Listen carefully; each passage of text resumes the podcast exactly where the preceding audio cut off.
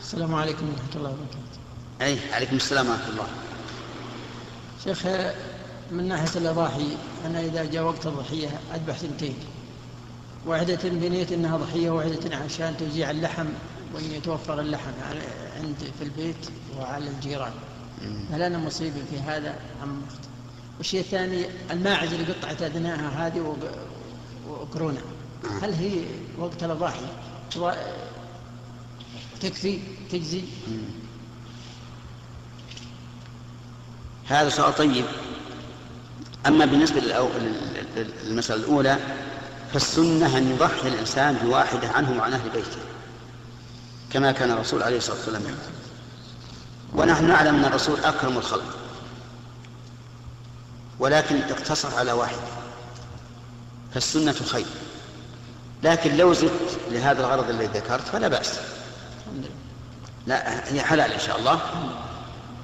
وأما ما يتعلق بمقطوعة الأذن ومقطوعة القرن فالصحيح أنها جائزة مجزئة لكنها مكروهة لأنها ناقصة الخلقة.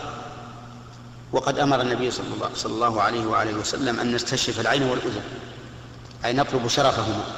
وكمالهما أي نعم. إن يقطعون أذنها يا شيخ من شأن النصب ينصبون فيها. أن تكون لها شيفة خلقة غير خلقتها لم تكون طبيعية. هذه برضه الماعز هذه عندنا خبر أنا منها إنهم يجعلون هذا يقلدونها خرج ويحطون لها هذا ويجملونها عشان تجيب ب 14000 عشان اللي شافها التيس يربى لا عشان تكون متجملة له 15000 و 30000 ويتباهون بهذا القطع وهذا إنها سورية وإنها جيت من هذا المكان. على كل حال سمعت الأخ السائل اللي تو يقول فيها هذه أيضا. لأنه 30 سنة ما هي أيضا. الذي يا شيخ ما ما تقابل قطع الإذن وتعلم البهيمة في لا ذكرنا احترزنا من هذا ما تتعلم جزاك الله خير. هي أشياء ما, ما تألم. نعم.